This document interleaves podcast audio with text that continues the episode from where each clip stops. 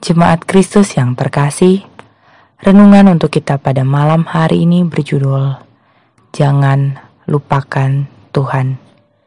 Dan bacaan kita diambil dari Yeremia pasal 2 ayatnya yang kelima sampai dengan kesembilan. Beginilah firman Tuhan.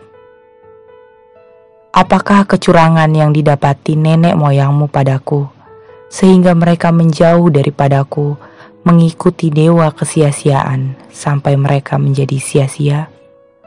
Dan mereka tidak lagi bertanya, di manakah Tuhan yang menuntun kita keluar dari tanah Mesir, yang memimpin kita di padang gurun, di tanah yang tandus dan yang lekak-lekuk, di tanah yang sangat kering dan gelap, di tanah yang tidak dilintasi orang dan yang tidak didiami manusia.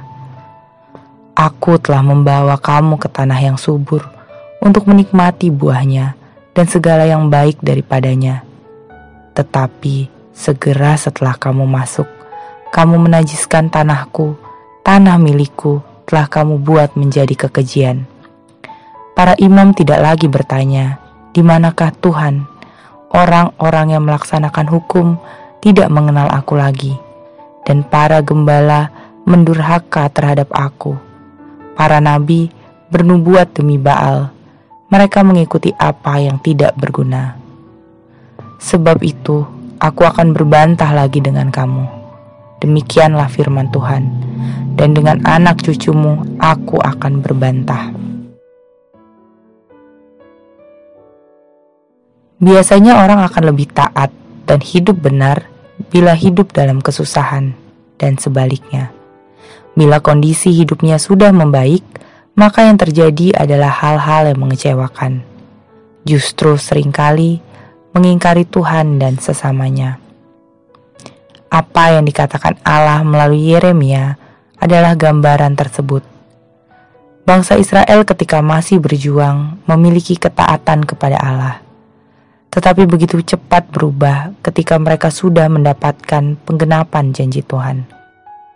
Yang perlu kita ingat adalah kemarahan dan kekecewaan Tuhan, Tuhan mengatakan dia akan berbantah dengan bangsa Israel dan keturunannya karena telah meninggalkan Tuhan. Lalu bagaimana dengan hidup kita? Apakah sudah di titik yang sama seperti yang dilakukan bangsa Israel? Mari kita menelisiknya. Jangan-jangan tanpa sadar kita telah berbuat serong dan mengingkari Allah melalui segala sesuatu yang telah kita buat. Cara yang paling tepat untuk melihat itu adalah dengan kejujuran dan keterbukaan hati. Apakah kita dengan sadar mengakui kesalahan yang sudah kita perbuat?